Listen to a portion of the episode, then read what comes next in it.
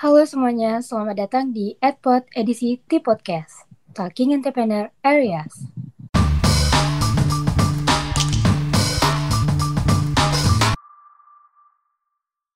Kali ini bersama aku, Arsita Damayanti, sebagai podcaster dan rekan aku, Tiara Minisa. Nah, di podcast ini kita nggak berdua aja guys, tapi kita bersama narasumber yang hebat nih. Iya nih guys, narasumber kita merupakan salah satu dari alumni Fakultas Hukum Universitas Sriwijaya. Hebat banget kan, anak hukum tapi bisa sukses di bidang bisnis. Langsung aja nih ya, kita sapa owner dari Diary Wedding Organizer. Halo Bang Ari. Halo Sita, Tiara, Arsita ya, Arsita sama Tiara. Benar. Yang gimana kabar kalian? Baik, baik nih Bang. Apa kabar Abang gimana Bang? Baik juga nih, sehat ya semuanya. Sehat. Ya. Uh, by the way, sebelum kita lanjut nih Bang ke pertanyaan yang sudah dibuat. Seperti kata pepatah, tak kenal maka tak sayang. Boleh dong Bang Adi perkenalan diri terlebih dahulu supaya kita ngobrolnya jadi lebih nyaman gitu. Wah, pepatahnya udah direvisi loh. Kalian belum tahu ya, tak kenal maka tak sayang. Makanya kita sayang-sayang dulu biar kenal. Waduh. Boleh juga. Harus sayang-sayangan dulu. Jadi gimana, gimana? Jadi eh Bang Ari kan sebenarnya bukan asli dinamai kan Fer Ferdian. Siapa ya Bang? Fitrian, Muhammad Fitrian Garida. Nah, oke, kita kepo nih Bang. Kan awal mulai awal kuliah Abang kan milih hukum nih. Apa sih yang membuat Hmm, Abang hmm. berani ngambil keputusan untuk terjun ke dunia bisnis, Bang? Sebenarnya keputusan itu simple ya. Dalam artian gini. Eh, aku tuh dari dulu berpikir atau memiliki konsep pikiran gini. Rezeki itu dari mana aja loh. Bukan cuma dari perusahaan. Kayak gitu. Terus aku berpikir juga aku pengalaman kerja banyak banget. Jadi aku udah pindah-pindah pekerjaan dari kuliah juga dulu aku juga aktif di IO dan juga di WO. Itu dari WO malah dari SMA dulu ikut. Jadi dulu sampai dengan kerja berapa kali juga merantau di Aceh, Jakarta, eh, Bogor, Semarang, Jogja, Kudus. Aku selalu mimpi, kenapa aku nggak punya perusahaan sendiri aja? Kayak gitu. Karena tipikalku, aku tuh orang yang paling sulit diatur. Apalagi kalau aku punya partner atau atasan yang nggak satu frekuensi atau yang pola pikirnya menurutku itu jauh banget di bawahku. Jadi aku nggak mau diatur orang yang nggak kompeten. Kayak gitu. Kalau emang dari sananya Abang pingin punya perusahaan sendiri, kenapa sih Abang pilih jurusan hukum? Kenapa nggak manajemen atau ekonomi yang lain gitu yang ada di Fakultas Ekonomi? Karena tidak ada satupun unsur di dunia ini yang tidak bersentuhan sama hukum. Apa pun itu di dunia ini, apalagi di dalam pekerjaan, bisnis, kegiatan sehari-hari, itu pasti bersentuhan dengan hukum. Itu. Jadi kalau kalian mau tahu, banyak banget orang di luar sana punya bisnis besar, ya, bisnis besar, pasti mereka punya badan hukumnya atau mereka punya partner hukum. Pasti kayak gitu. Kalau yang gede-gede, sekelas Gojek, Tokopedia itu pasti punya semua. Nah, kalau yang nggak punya, misalnya kita berbicara UMKM ya, yang di kecil, pasti mereka itu akan sering banget tabrakan dengan masalah hukum yang mereka nggak tahu. Makanya kita harus mengerti dulu tentang hukum. Karena itu aku terjun di hukum kuliah. Bener sih Bang. Emang semua kegiatan ada hukumnya. Jadi jurusan hukum juga netral ya, bisa kerja ke mana-mana juga sih sebenarnya di hukum. Iya, dan aku dulu kan di perbankan ya. Perbankan, aku nggak di bagian divisi hukum, tapi aku di bagian bisnis. Nah, uniknya karena aku menguasai hukum di bagian bisnis, jadi aku tuh sering banget terjun di dalam divi- eh, tim, tim pembuat kebijakan atau tim pembuat peraturan, tim pembuat eh, promo-promo. Jadi kalau kalian suka lihat promo perbankan, misal buka tabungan di bank A, terus dapat Mas Antam, itu dulu aku sering bikin program-program kayak gitu. Di program seperti itu juga ada hukum-hukum kesepakatan gitu ya Kak? Ya betul, itu kan harus ada kesepakatan ya, karena kalau enggak nanti gimana? Kan eh, hal teknis di balik layarnya tuh banyak banget. Contoh, kita mau bikin program ini untuk berapa orang, misal 100 orang, 100 orang terus hadiahnya apa nih, biayanya berapa. Itu kan harus ada pertanggungjawaban hukum semua, apalagi kalau perusahaan besar itu kan semuanya vendor, bukan kayak kita kampus ya yang bisa beli beli terus kasih kwitansi. Enggak, kalau perusahaan besar itu semua kita pakai surat kita pakai invoice, invoice-nya itu ada jangka berlakunya, jangka waktu berlaku, segala macam. Jadi Kalau nggak punya basic ilmu hukumnya, ya bisa bisa bahaya nantinya. Perusahaan kita bisa jadi kena masalah hukum. Abang suka bisnis kan? Kenapa harus milih WO? Kenapa nggak bisnis yang lain? Jadi ini uniknya nih, kalau kalian survei, dan aku yakin ini sebenarnya nggak perlu survei. Orang, orang Indonesia, orang di masyarakat Indonesia itu hanya menghabiskan dua kegiatan, menghabiskan uang paling besar itu untuk dua kegiatan. Pertama dia beli rumah, kedua dia menikah. Kalian lihat, banyak banget orang ya kalau mau nikah itu sampai gadain SK, sampai ngutang di bank. Ya sama, rumah kan KPR, ngutang di bank. Nah, makanya dengan adanya pertumbuhan eh, apa ya kelahiran dengan adanya bayi lahir maka akan terus ada bisnis pernikahan makanya bisnis pernikahan itu bisnis yang nggak akan pernah mati sampai kapan pun benar sih benar. Oke wedding organizer. Banyak nih yang belum tahu apa sih wedding organizer itu. Boleh dong hmm. jelasin apa sih wedding organizer itu? Ya benar. Karena juga salah persepsi ya WO IO WO IO iya, sering kayak gitu kan di lapangan ya. Aku juga kemarin ngobrol sama teman-teman wedding yang lainnya. Bayangin orang wedding aja kadang nggak ngerti WO sama IO itu apa. Jadi kalian bisa cek di Kementerian Pariwisata. Di Kementerian Pariwisata itu yang terdaftar itu event organizer jadi ibarat kata indukannya itu bisnisnya namanya event organizer atau IO biasa kita sebut. Nah di IO ini sendiri juga itu banyak jenisnya. Ternyata ada namanya IO musik, ada namanya IO pameran, ada pokoknya banyak lah jenisnya. Nah per tahun 2016 atau 2017 saya lupa lupa ingat, akhirnya diresmikanlah salah satu anak dari IO yang disebut WO gitu wedding organizer. Nah wedding organizer ini simpelnya kalau kita mengsimpelkannya ya itu tuh ya sebuah jasa yang mempersiapkan pernikahan itu benar-benar dari nol sampai dengan selesai.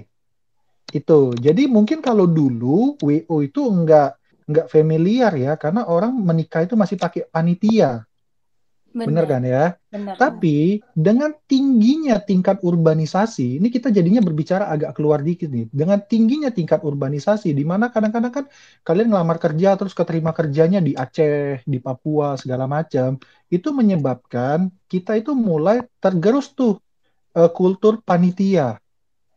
Karena urbanisasi itu menyebabkan orang lama-lama menjadi saling cuek, saling tidak mengenal antar tetangga apalagi kalau merantau kita nggak punya keluarga. Jadi bisnis WO ini tumbuhlah karena tingkat uh, tingginya tingkat urbanisasi di Indonesia. Logikanya kalau kalau ada orang merantau, misal kayak gini, aku ada uh, calon klien nih, Sabtu nanti kita survei. Jadi dia tinggal dan kerja di Jakarta, tapi dia rumahnya di Palembang. Nah dia itu nggak punya keluarga tuh yang untuk bantu persiapan pernikahannya di Palembang. Makanya yang dibutuhkan ialah WO kayak gitu. Jadi WO itu simpelnya sebuah jasa yang mempersiapkan pernikahan dari nol sampai dengan selesai kayak gitu. Bener banget kak. Soalnya aku pengalaman nih kakak aku mau nikahnya di Depok. Jadi aku hmm. itu keluarga banyak sih, tapi rumahku kan nggak di situ. Jadi yang enaknya ada WO ngurusin dari nol sampai akhir. Enak itu emang karena ada WO jadi semua aman keluarga yes, juga betul. santai Betul. Jadi karena urbanisasi pun ya, jadi karena urbanisasi ini antar keluarga itu jadi tercipta gap dalam artian apalagi kota-kota besar ya, kelas Depok, Jakarta, Bandung. Orang kan punya kesibukan yang kerja dari pagi sampai malam. Kayak gitu. Jadi kita pun kadang-kadang segan minta tolong keluarga kita yang lain karena mungkin keluarga kita kan juga sibuk, punya kesibukan masing-masing. Ya, nah, benar. itulah. Sedangkan kalau kita pakai jasa WO, kita tuh nggak segan karena mereka itu kita bayar. Kayak gitu. Jadi kita bisa kasih perintah kapan pun 24 jam ke WO. Benar. Mulai dari urusan KUA, WO juga ya, Kak?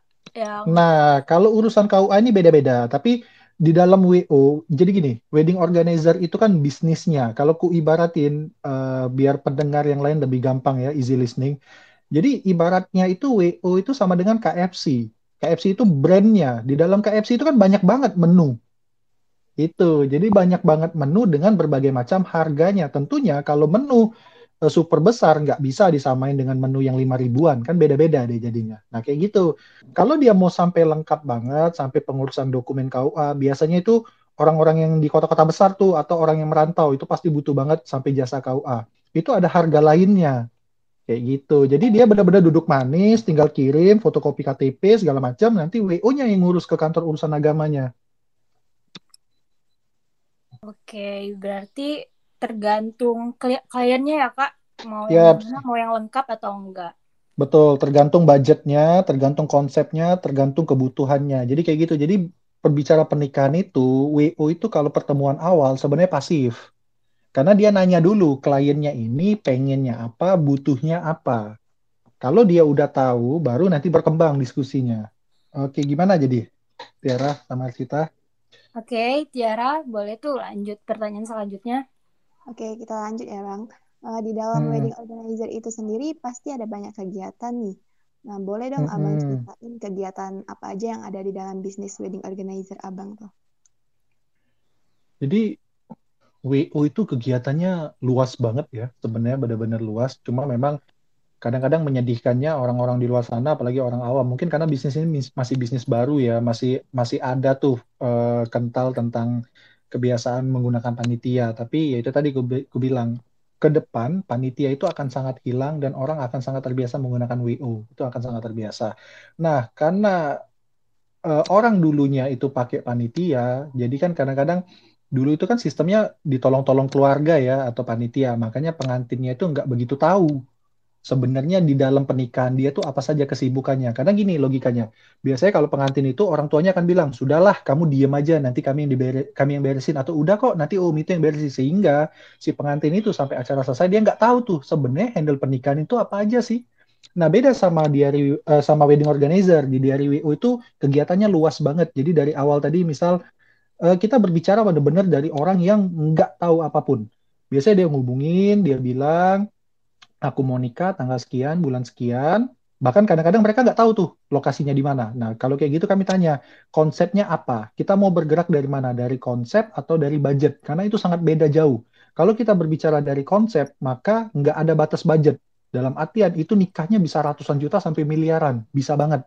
Tapi kalau dia langsung berbicara budget, maka kita akan menyesuaikan. Misal dia bilang budgetnya 150 juta, Bang. Oke, kami langsung cariin tuh. Langsung cariin, langsung kami sodorin. Karena di diary WU itu juga banyak banget paket pernikahan. Kita langsung sodorin tuh. Oh, kalau di bawah 150 juta, ini nih paketannya. Nah, itu. Nah, dari setelah dia udah milih, setelah dia udah milih, biasanya itu technical meeting pertemuan awal. Nah, setelah itu biasanya kita langsung lanjutkan survei gedung atau lokasinya, di mana. Terus iyalah kita ngobrol sama orang orang lokasi ya, orang gedung atau hotel atau taman. Kita jelasin sama mereka konsep pernikahannya seperti apa. Mereka juga jelasin sama kliennya peraturan lokasinya seperti apa. Terus biasanya nanti itu kita lanjut. Uh, dia pastinya kan milih pakaian ya, milih pakaian pernikahan itu didampingin.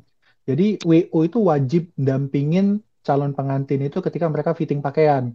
Kenapa wajib? Karena namanya pengantin itu kan nggak pernah nikah ya sebelumnya kan. Pasti kan menikah itu harapan kita sekali seumur hidup.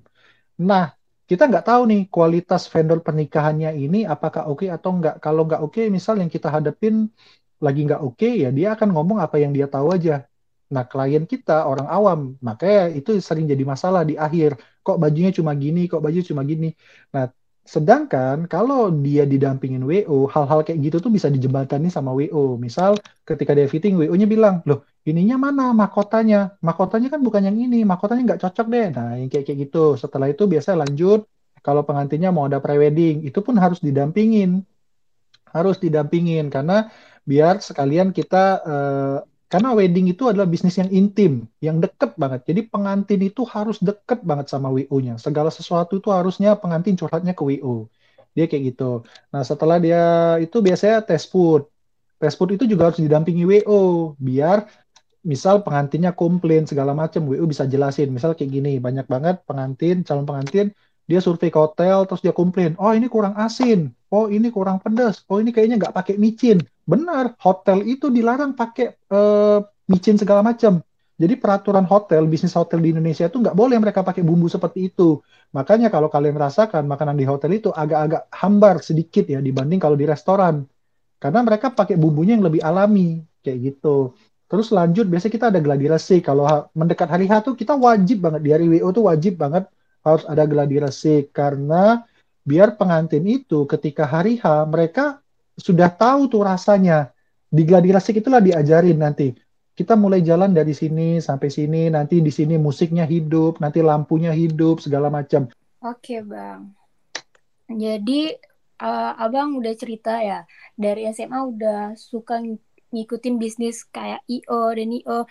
Awal mulanya gimana sih, Bang? Ceritain dikit dong. Teman-teman oh. dengar. iya, jadi gini. Eh uh, Diary Wedding Organizer itu baru ya. Jadi 1 Januari 2021 kemarin. Baru berubah nama. Dulunya itu namanya FVR Wedding Organizer. Jadi kita mendirikan WO itu di bawah FVR Wedding Gallery. Jadi ada bisnis lain. Jadi kayak franchise kayak gitu loh. Jadi ada hmm. orang punya bisnis, terus kerjasama dengan kami, kami bikinlah WO di bawah divisi mereka. Jadi kayak gitu. Nah, si FVR Wedding Gallery ini dulunya aku udah kerja sama mereka dari zaman SMA. Jadi waktu itu aku masih jadi pagar bagus. Tahu nggak sih yang ngawal pengantin masuk gedung?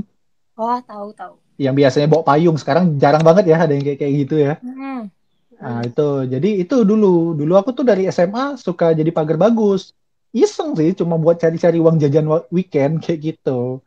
Nah, lanjut lanjut lanjut, waktu aku kerja, kebetulan tadi aku pernah bilang kan, aku waktu di perbankan sering banget bikin program promo-promo seperti itu, maka aku sering banget berhubungan sama IO kayak gitu karena biasanya perusahaan besar itu kalau bikin acara dia harus pakai pihak ketiga. Waktu aku mendirikan WO, IO sama WO tuh ibarat kata tuh sama-sama roti coklat, eh, sama-sama roti bakar, hanya berbeda isi.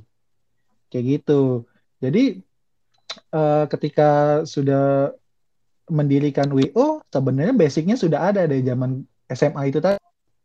Kayak gitu. Itu kisahnya sih sebenarnya. Cuma sekarang memang di hari WO itu enggak hanya berganti nama agak sulit juga dijelasin. Karena eh 31 Desember 2020 itu aku resign dari FIRWO aku resign terus ternyata divisi wedding organizer-nya dibubarkan. Jadi sama manajemen FIR Wedding Gallery dipilih untuk dibubarkan sehingga FIRWU-nya dibubarkan dan berdirilah Diary Wedding Organizer.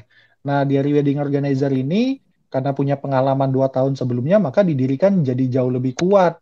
Dalam artian, Diary WO ini buat info juga teman-teman, jadi kalau teman-teman nyari jasa wedding organizer, itu pastiin ya, standar banget dalam bisnis itu wajib banget seharusnya sebuah perusahaan itu dia punya kantor itu wajib banget. Terus namanya bisnis, bisnis itu kan harusnya kalau mau bisnis yang nyata itu harusnya kedaftar ya secara hukum segala macam. Nah, di hari WU ini berbadan hukum dalam bentuk CV, CV di hari Optimal Berkarya. Terus kami juga punya website kayak gitu. Jadinya memang di hari WU ini jauh lebih kuat, jauh lebih kokoh pondasinya dibandingkan waktu masih bernama FR Wedding Organizer. Oke nih, kita lanjut nih Bang ya.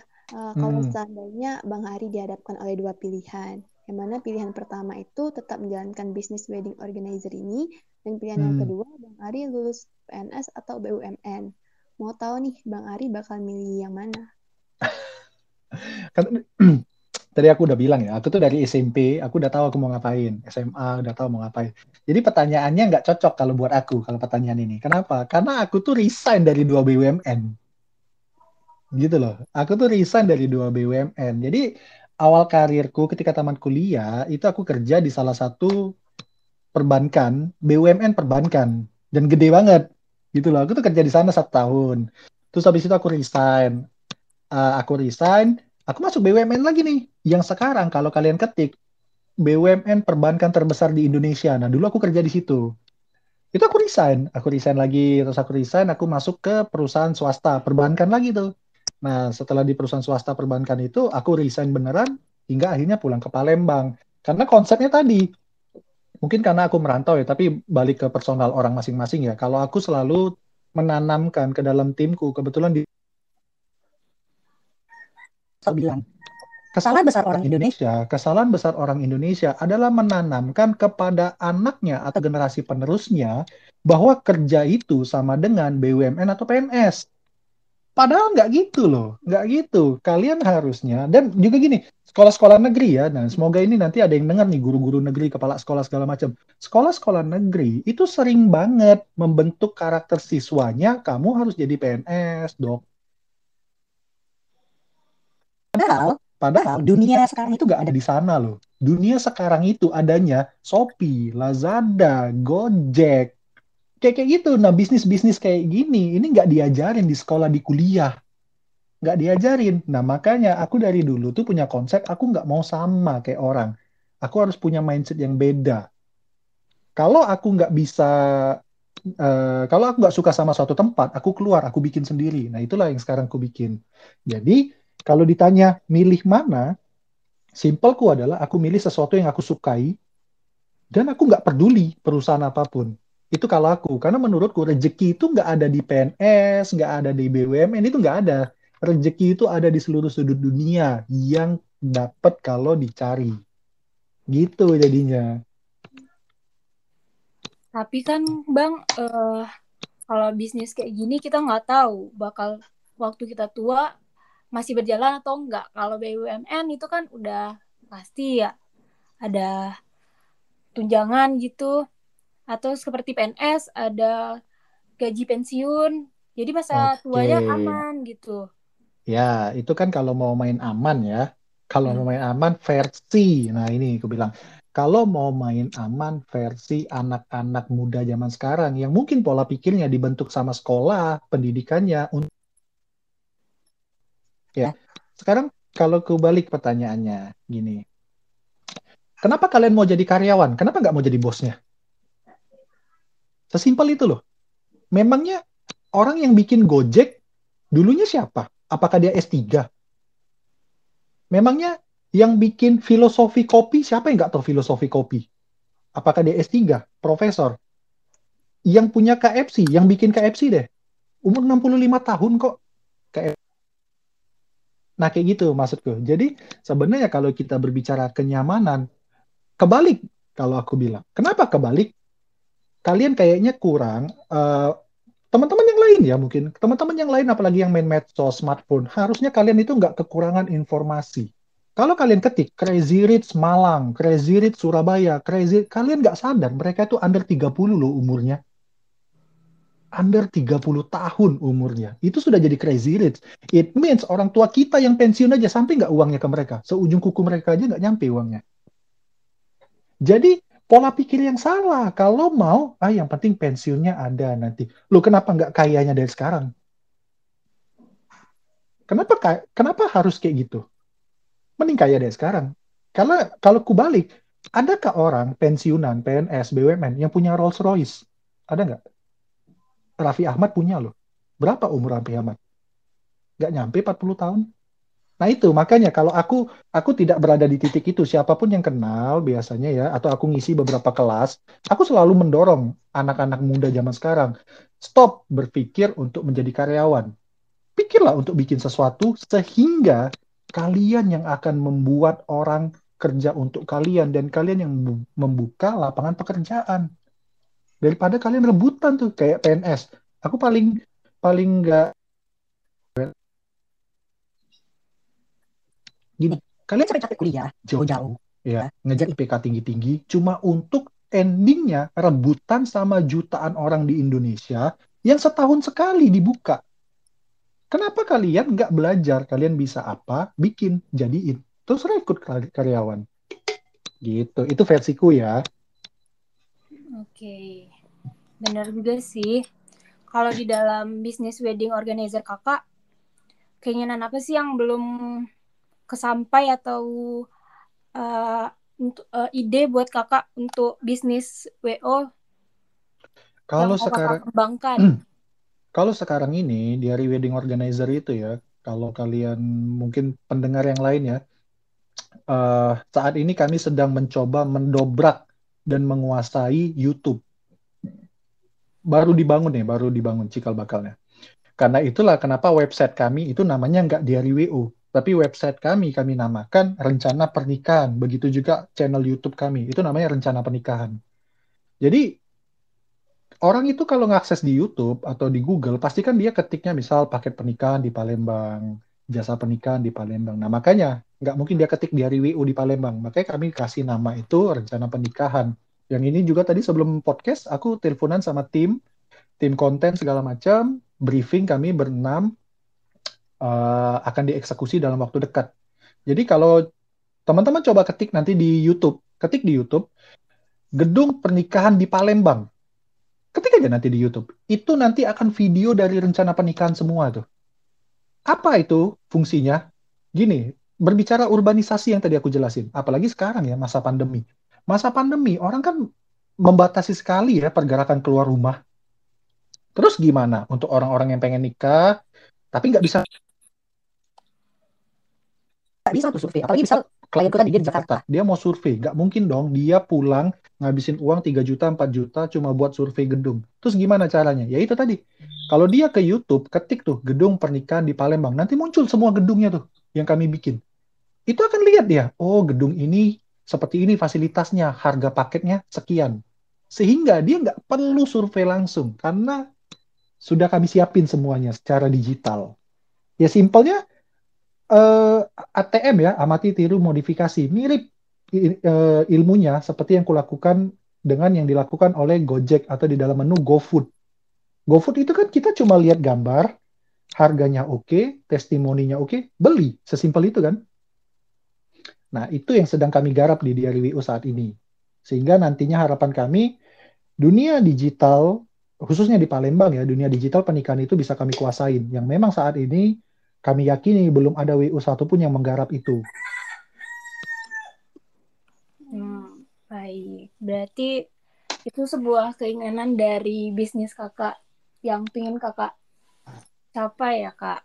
Ya benar. Oke lanjut ya. Uh, di dalam berbisnis pastinya ada tantangan gak sih? Ada yang bilang kalau nggak ada tantangan nggak seru. Nih selama Bang Ari menjadi pengusaha muda, tantangan terberat apa sih yang pernah Bang Ari alami? Tantangan terberatnya itu ya.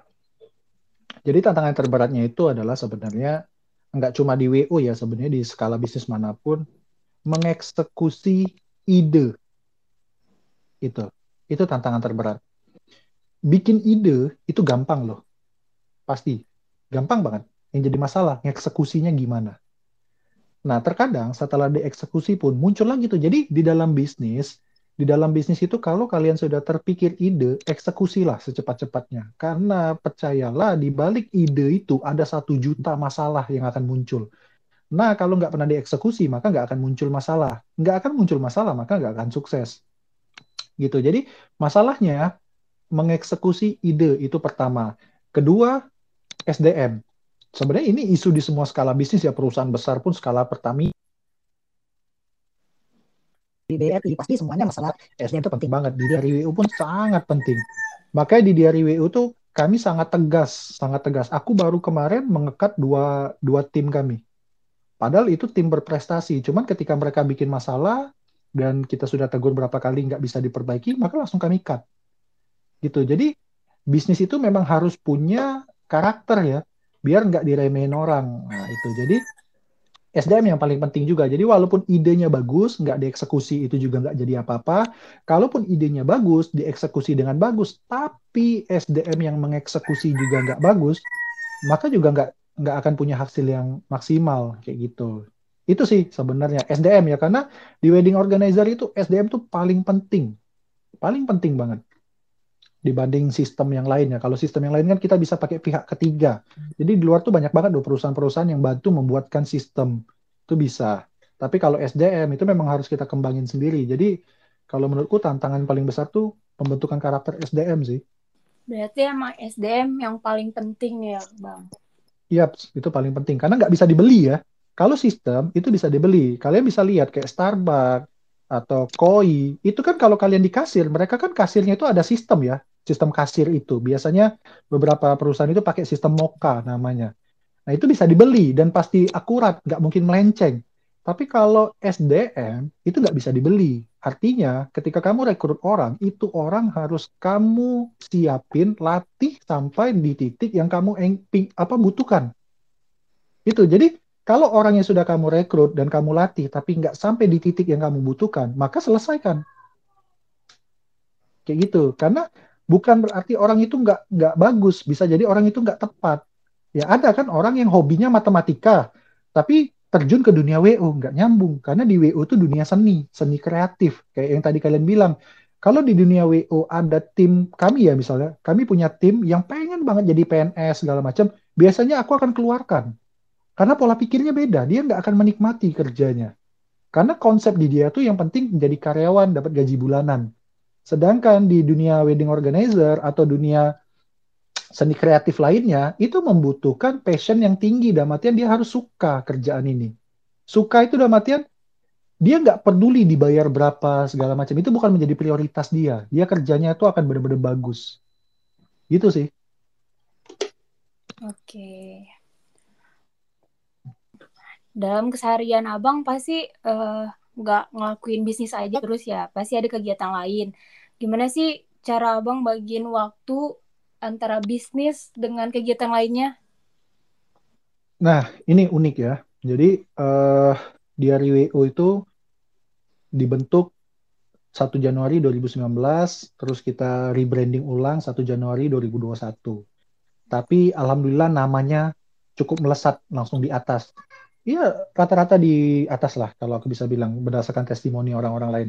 Karena sebenarnya simple aku punya pengalaman kerja di perusahaan besar, bahkan salah satu perbankan, bukan salah satu, memang perbankan nomor satu di Indonesia saat ini. Nanti kalian bisa search di Google, bank apa sih yang kusebutin bank nomor satu di Indonesia saat ini. Nah, perusahaan besar itu mereka punya sistem. Dalam arti tadi aku bilang, pernah nggak sih kalian itu kalau ke Indomaret, ke KFC, waktu mau bayar di kasir, kalian nanya, aku mau bayarnya sama manajernya, aku nggak yakin sama kamu. Nggak pernah dong. Ya dong. Karena yeah. kalian karena kalian udah yakin sama kualitas produk dan kualitas sistem. Nama besar KFC-nya atau Indomaret-nya itu kalian udah yakin. Nah, sama di hari WO tuh aku terapin itu. Makanya uh, mungkin teman-teman yang lain belum pada tahu ya. Aku ini tinggal di Jakarta. Jadi aku tuh tinggal di Jakarta, anak istriku semuanya di Jakarta, bisnisku di Palembang. Tapi kok klien kami banyak? Kok klien kami mau? Padahal mereka weddingnya di Palembang. Padahal aku tuh nggak muncul. Karena itu, ada sesuatu yang bisa kami kasih lihat bahwa ketika mereka deal pakai diary wedding organizer, maka sesungguhnya yang mereka ambil itu adalah jasa diary wedding organizer, bukan jasa Ari sebagai owner diary wedding organizer. Ini berbeda nih. Nah, di dalam diary WO itu, yang tadi dibilang kan, bagaimana cara bagi waktu. Aku membuat uh, struktur organisasi kayak di kampus sebenarnya. Cuma bedanya kalau di kami kami profesional, jadi benar-benar berjalan strukturnya. Kalau di kampus itu kan sistemnya dalam tanda petik ya kerjasama. Gue yang kerja, lu sama-sama. Bener gak? Sering kayak gitu kan teman-teman kan? Kerja sama, gue yang kerja, lu sama, sama-sama gue maksudnya. Tapi lu nggak ngapa-ngapain kayak gitu. Beda kalau di diary WO tuh bener-bener ku bikin struktur. Di bawahku itu ada namanya project manager itu yang pegang Feris Nugraha itu adik kandungku sendiri. Nah si hmm. project manager itu dia punya sayap ke samping, jadi bukan uh, nggak bawahan langsung tuh nggak sayap ke samping, namanya Handi Kurniawan. Itu legal head kami. Jadi segala urusan hukum itu urusannya ke dia. Itu. Nah di bawahnya Handi sama Feris ini baru ada tim leader tim leader. Tim leader ini ialah orang-orang yang mengetuai atau kepala pecongnya lah ya sebuah tim yang handle sebuah pernikahan. Jadi misal di minggu ini aku punya empat pernikahan, berarti aku punya empat tim leader. Gitu dia. Nah, empat tim leader ini semuanya di bawah penguasaan Handi sama Feris. Dalam artian, mereka nggak perlu ngehubungin aku. Karena sudah ada Handi sama Feris. Kayak gitu. Nah, termasuk aku juga kalau ada masalah, aku nggak perlu ngubungin semua tim. Capek. Aku cukup bilang ke project manajernya biasa. Itu kok wedding ini kok ada masalah coba ditegur. Nah project manager itu juga nggak perlu ngomong ke seluruh anggota grup. Dia cukup ngomong ke tim leader. Jadi turunan kayak gitu loh struktur organisasinya tuh. Dan memang benar-benar berfungsi. Nah karena itulah kenapa di diary WU itu kami kerjanya sangat dalam tanda petik santai. Karena ada sistem yang sudah kami bentuk dan sistem ini berjalan. Kayak gitu. Makanya tadi aku bilang ketika KFC itu punya ratusan ribuan mungkin ya cabang di seluruh dunia, ownernya mungkin lagi foya-foya di Maldives, mungkin lagi santai-santai. Karena dia punya sistem yang kuat banget sudah. Nah sama seperti di RWO. Di RWO itu seperti itu. Jadi bagaimana cara aku ngatur waktu? Dengan cara aku bikin sistem yang benar di DRWO-nya, yaitu membuatkan struktur organisasi dan menjalankan itu, mengawasi itu dengan benar. Sehingga tim yang di bawahku tuh memang jalan Jadi penting banget ya kak buat struktur organisasi biar semua sistemnya berjalan. Jadi ya, bisa bagi-bagi waktu juga, nggak harus satu orang atau dua orang aja yang kerja. Iya dan penting juga kita jadi tahu siapa pegang project siapa? Eh, siapa pegang project apa? Makanya tadi aku bilang, aku juga pernah kuliah, aku juga pernah jadi mahasiswa, dan aku dalam tanda petik mahasiswa yang nakal. Makanya aku hmm. tahu. Jadi dalam artian di kerjaan itu, kalau kamu benar-benar menerapkan struktur organisasi, sebenarnya itu nggak akan ada masalah. Nggak akan ada masalah. Contoh, uh, di salah satu wedding misal, tiba-tiba kotak uang nih misal, kotak uang kosong. Siapa nih yang ngambil uang di dalam kotak uang? Kalau kalau ya misal, kalau WO-nya itu nggak bagus sistemnya, maka itu akan ribut. Loh bukannya kamu ya? Enggak, aku kan di dalam. Loh terus siapa? Tadi kayaknya aku lihat dia deh yang jaga kotak uang. Kayak gitu loh. Jadinya tuh hanya akan meributkan sesuatu yang nggak ada dasar hukumnya. Tapi di DRWO itu berbeda. Kami punya PIC. Kamu PIC ini, kamu PIC ini, PIC ini. Begitu ada masalah, misal uh, di catering, cateringnya ordernya 900, kok yang datang 500, maka langsung, oke okay, siapa yang pegang catering? Oh saya kak. Dia yang dicecer. Kamu gimana? Kamu awasin nggak? Kamu kontrol nggak? Waktu waktu loading innya gimana? Itu. Jadi kita nggak perlu memusingkan tadi siapa yang pegang ini, siapa yang lihat? Enggak. Gitu jadinya. Jadi struktur organisasi itu penting banget. Cuman kalau masih di dunia perkuliahan, nggak kerasa pentingnya. Karena sistem kuliah itu kerjasama. Gua kerja, lu sama-sama. Itu kan. Kelompok kerjasama 30 orang. Yang kerja tiga kok. Berani taruhan aku. Iya bener banget. Emang. Ketua, wakil ketua, bendahara, atau sekretaris. Paling itu yang kerja. Kayak pengalaman nih Kak. Iya, yang lain kan cuma muncul foto-foto di akhir kan nanti. Emang. Gitu. Oke, lanjut nih Kak ya. Uh, hmm. Pasti di setiap bisnis ada titik terendah kayak waktu lagi down-down bisnis gitu. Nah, kalau boleh tahu titik terendah yang pernah Bang Ari alami dalam menjalankan bisnis wedding organizer ini apa? Dan bagaimana sih cara Kak Ari menghadapi uh, titik terendah tersebut? Jadi gini ya, kalau titik terendah aku yakin 100% siapa pun pasti akan mengatakan sekarang titik terendah. Pasti. Jadi ya. munafik kalau aku bilang, oh tahun lalu kami titik terendah. Enggak kok, sekarang titik terendah. Kalau kita buka TV, semua orang sekarang beritanya ngeri loh. Kemarin 3000 karyawan Lion Air di-cut lagi. Giant angkat kaki loh dari Indonesia. Bayangin loh. Sekelas supermarket Giant aja angkat kaki. Terus kalau Palembang deh nggak usah muluk-muluk. Ramayana loh. Siapa yang Ramayana tutup? Gitu kan? Jadi sekarang yang yang terendah paling terendah itu sekarang. Apalagi bisnis wedding organizer ini bisnis yang kedampak langsung sama eh, pandemi. Ada beberapa bisnis yang nggak kedampak. Ada kok beberapa bisnis. Tapi yang kedampak langsung itu adalah salah satunya wedding organizer. Karena di peraturan PPKM itu tersebut tentang peraturan pelaksanaan pernikahan. Gitu. Jadi pernikahan itu langsung banget kedampak. Nah, cuman bagaimana mensiasatinya kalau kami ya, aku sangat menjaga postingan di Diary Wedding Organizer. Jadi kami tidak perlu memposting sesuatu yang udah diketahui publik. Karena jadinya nanti hanya akan menakuti atau membuat klien kami itu jadi ragu. Contoh misal di berita Detikcom udah banyak tentang oh PPKM dilanjutin. Oh PPKM dilanjutin dan resepsi dilarang.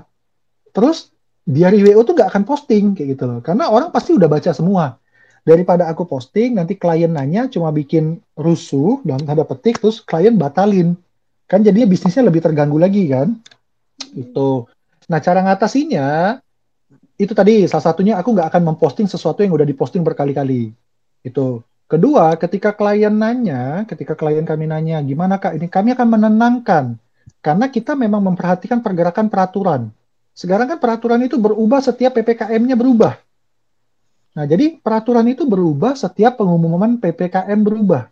Makanya nggak bisa dipakai peraturan wedding sekarang dengan peraturan wedding mungkin nanti tanggal 7, tanggal 8.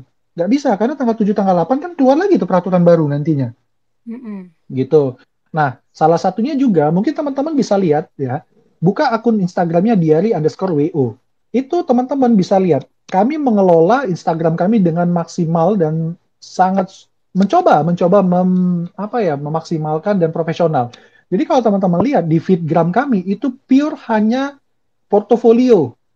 Feedgram kami itu 90% lebih portofolio berbentuk foto seluruh klien yang pernah kami handle. Reels, jadi kan ada Reels sekarang ya. Reels itu adalah konten info pernikahan. Nah, sekarang Diary WO tuh menggarap itu, di mana tidak ada satupun, aku yakin, tapi koreksi kalau salah, aku yakin 100%, nggak ada satupun WO di Indonesia yang bikin konten info pernikahan. Nah, Diary WO bikin. Jadi, maksudnya adalah, kita juga nggak selalu membayangin calon pengantin atau pengantin tentang info-info pernikahan itu yang jelek, yang nggak bisa resepsi, nggak bisa kan. Enggak. Jadi info pernikahannya itu kuisi, kayak kemarin kami baru rilis tentang kayak, oh ternyata dekorasi maka mahar pernikahan dengan uang rupiah tuh bisa dipenjara loh. Nah kayak, kayak gitu. Jadi orang tuh, oh ternyata kalau kayak gini tuh gini ya. Jadi orang tuh nggak lagi berpikir, aduh nggak bisa resepsi, aduh gimana nanti. Enggak. Mereka udah keisi ilmu-ilmu tentang seputar pernikahan. Gitu, itu cara kami mengisi uh, titik terendah saat ini. Kayak gitu. Jadi tetap eksis tuh di hari WO. Makanya tetap WA-nya lumayan tiap harinya. Waduh. Dari tadi bahas dampak negatif nih, Bang. Hmm. Pasti ada dampak positifnya kan dari uh, dari pandemi ini. Apa sih dampak positif dari adanya pandemi COVID? Dampak positifnya ya, yang pertama itu tentunya melatih pola pikir ya. Melatih pola pikir. Jadi kalau aku perhatiin, banyak banget teman-teman di dunia pernikahan yang panik. Panik, atau kata Wong Palembang tuh latah jadinya. Jadi tadi gue bilang, apa yang ada di berita diposting mereka ulang dengan mentah-mentah. Jadi misal salah satu akun Instagram bilang, waduh nggak bisa resepsi nih, kacau, gimana nasib kami. Bayangin ya, mungkin dia curhat di medsos, tapi bayangin, pengantinnya dia baca kayak gitu, makin cemas loh. Mm-mm. Itu. Nah makanya kami nggak akan pernah melakukan itu. Kami akan bikin berita itu, kalaupun kami rilis, berdas uh, menjadi tetap so, uh, berita seutuhnya, enggak bikin orang ketakutan. Jadi cuma kayak informasi, teng. Nah setelah itu biasa kami buka forum diskusi. Biasanya buka tuh. Jadi nanti mereka curhat, iya kak ini gimana, gimana, gimana. Nah di situ itu jadi sekarang itu dampak salah satu dampak positifnya itu adalah pembentukan mental. Kalau teman-teman yang enggak gitu kuat mentalnya, belum berada di posisi yang profesional banget, akan kayak gitu tuh. Jadi yang mereka posting justru akan bikin klien itu makin cemas. Tapi kalau kami, ini bagi kami momen pendewasaan mental. Salah satunya kami jadi punya waktu mereview ulang. Eh paket-paket pernikahan kita kemarin mana yang paling laku, mana yang nggak laku, kenapa ini paling laku, ada apa ya segala macam. Itu jadi kami mempunyai waktu untuk mereview semua yang telah kami lakukan. Setahun yang lalu kita ngapain ya? Proyek kita bulan ini hasilnya apa ya? Nah itu terus, terus kami lakukan. Jadi dalam artian sebenarnya ini kayak pisau bermata dua. Kalau kita bilang, wah kita lagi hancur banget, bisa juga. Sebenarnya bukan kita aja, bisnis yang lain juga kena. Tapi ini juga jadi ajang atau momen kita untuk mempersiapkan ketika nanti semuanya kembali baik-baik saja, kamu itu nggak akan seperti ini lagi, tapi kamu udah lari.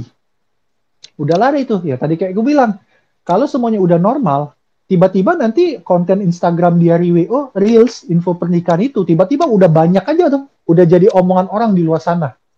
Nah ketika ada WO ataupun jasa sejenis mau niru orang udah tahu ah ini kan niru di hari WO dia duluan kok yang bikin. Itu jadi sebenarnya.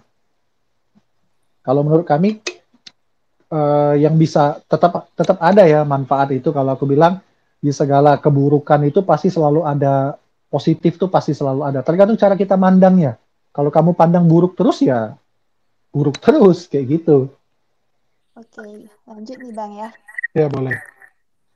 Covid kan masuk ke Indonesia udah setahun lebih nih Bang. Kalau dibandingkan awal mula pandemi sampai sekarang, apa sih perbedaan dampak yang Bang Ari rasain dalam bisnis wedding organizer ini Bang? Dampaknya tuh gede banget ya sebenarnya. Jadi kalau dulu sebelum pandemi, jadi kebetulan pandemi itu masuk Palembang ya khususnya ya kita berbicara Palembang itu masuk Palembang itu bulan Maret ingat banget itu bulan Maret 2020 dia masuk Palembang.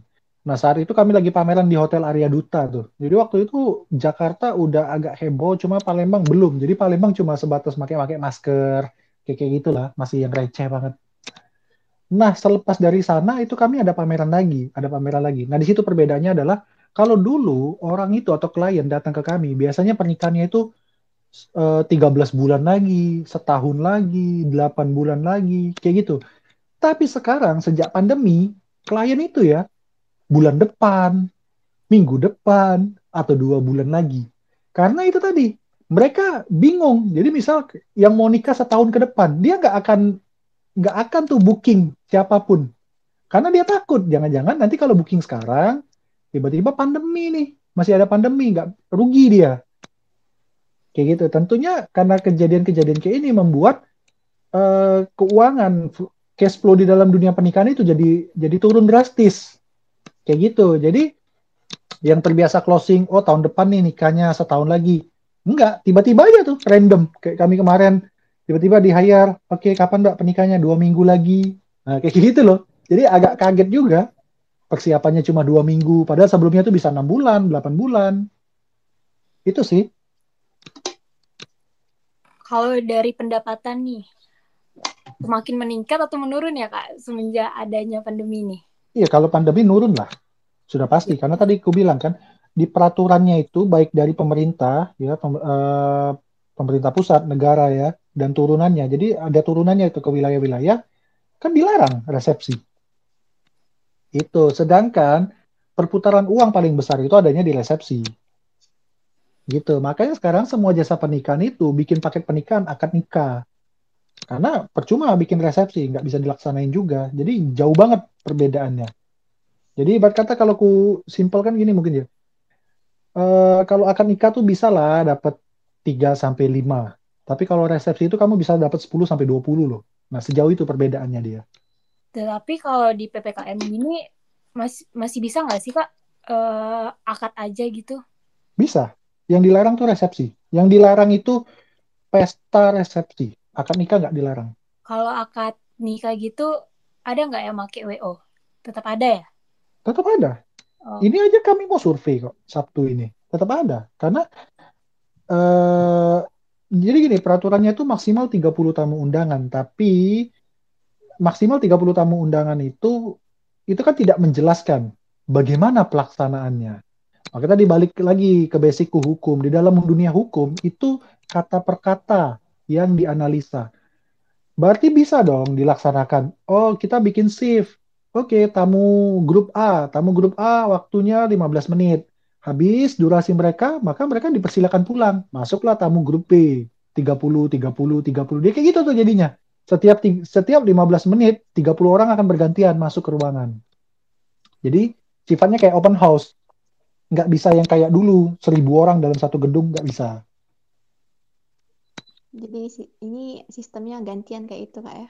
Ya kalau ngomonginnya gantian, cuma bahasa kerennya open house lah. itu dia jadinya. Nah, kan sudah dijelaskan oleh Bang Ari tadi, pandemi ini mempunyai dampak tersendiri terhadap bisnis wedding organizer-nya. Nih kalau boleh tahu strategi apa sih yang Bang Ari terapkan untuk mempertahankan bisnis wedding organizer ini? Kalau strateginya tadi ya, yang ku bilang, tadi ku perjelas lagi, salah satunya adalah uh, di Instagram itu, Instagram ini kan sebenarnya medsos yang sudah lama ada ya, cuman hmm. karena dia ada menu baru yaitu Reels, karena dia mengadopsi dari hitsnya TikTok, maka kami membangunlah uh, konten di Reels, kayak gitu, itu satu. Terus tentunya memang basicnya di LIWU itu banyak kontennya edukasi. Dari dulu kami selalu edukasi.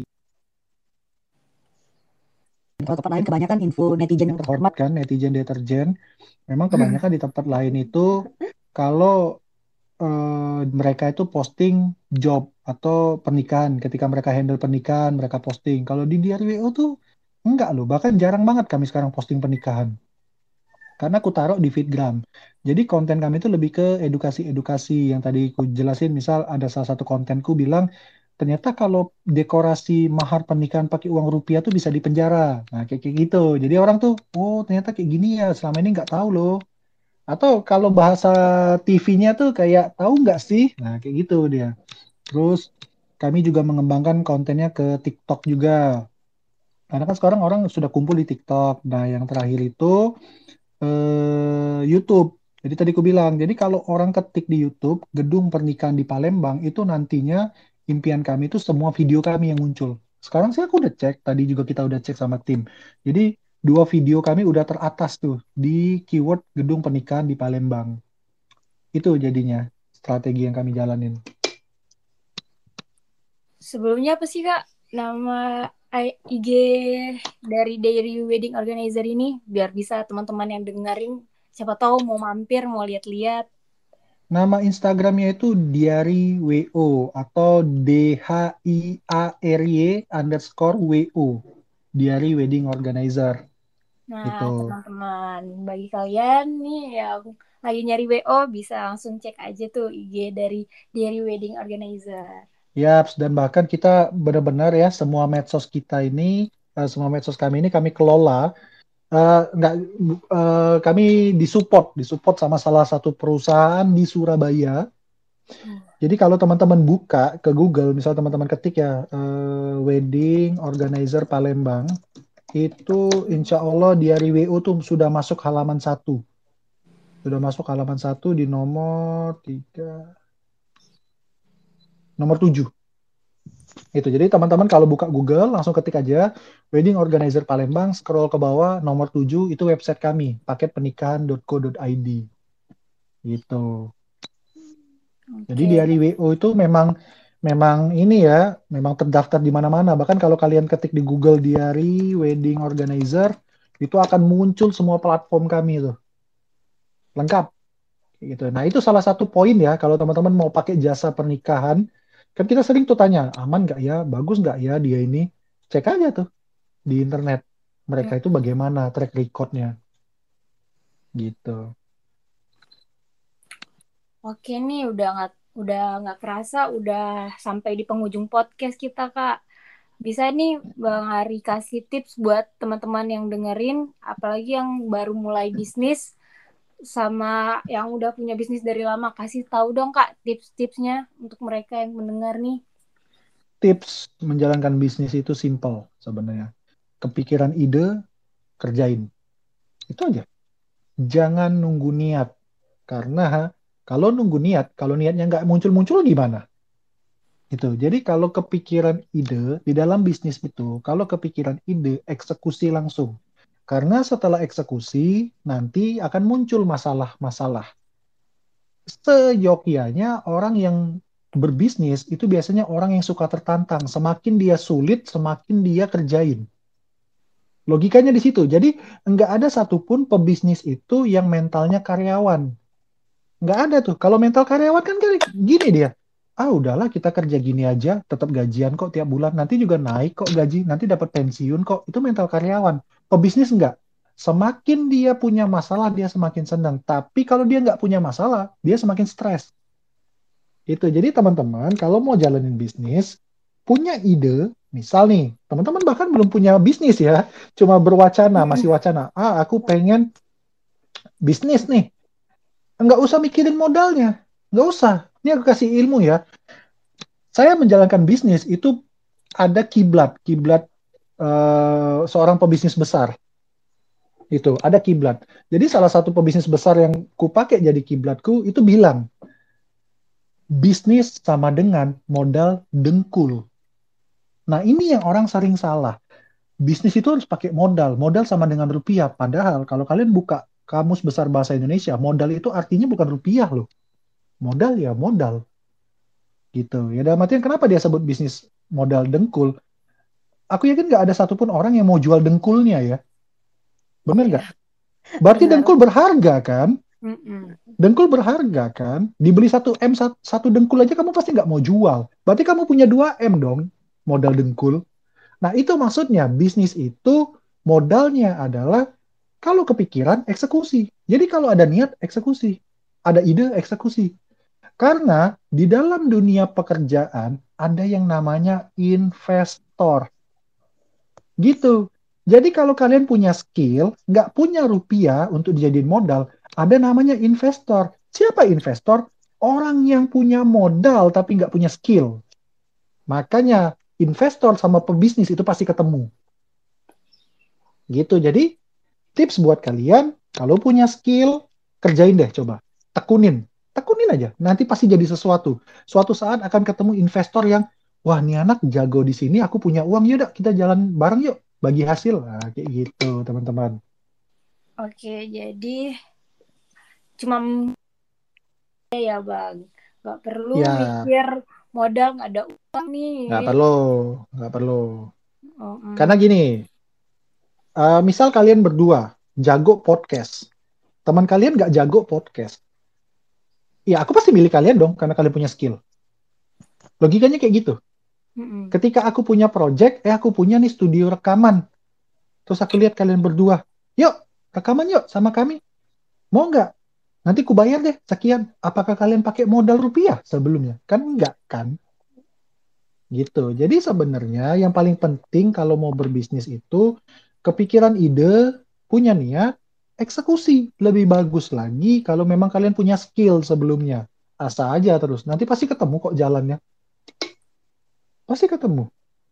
Nah, uh, nah buat teman-teman hmm. yang ingin berbisnis seperti Bang Ari, boleh tuh ikutin tipsnya. Eh, terima kasih banyak Bang Ari karena udah mau sharing berbisnis di masa pandemi. Ya, sama-sama Tiara Arsita senang berbagi kepada kalian berdua dan teman-teman lain yang nanti dengerin ini. Iya, juga. Juga kesehatan dan sukses selalu ya Bang. Sampai jumpa di lain waktu Bang Ari. Ya, sampai jumpa. Makasih ya. Ya Bang. Oke. Bukan hanya Bang Ari aja nih Tiara. Kita juga makasih nih sama teman-teman yang udah dengerin podcast kita ini yang udah luangin waktu untuk dengeri Edpod edisi T Podcast. Semoga apa yang disampaikan oleh Bang Ari bisa bermanfaat dan menambah wawasan bagi kita semua. Tetap jaga kesehatan dan patuhi protokol kesehatan ya guys. Dan sampai ketemu lagi di episode T Podcast selanjutnya. Bye-bye.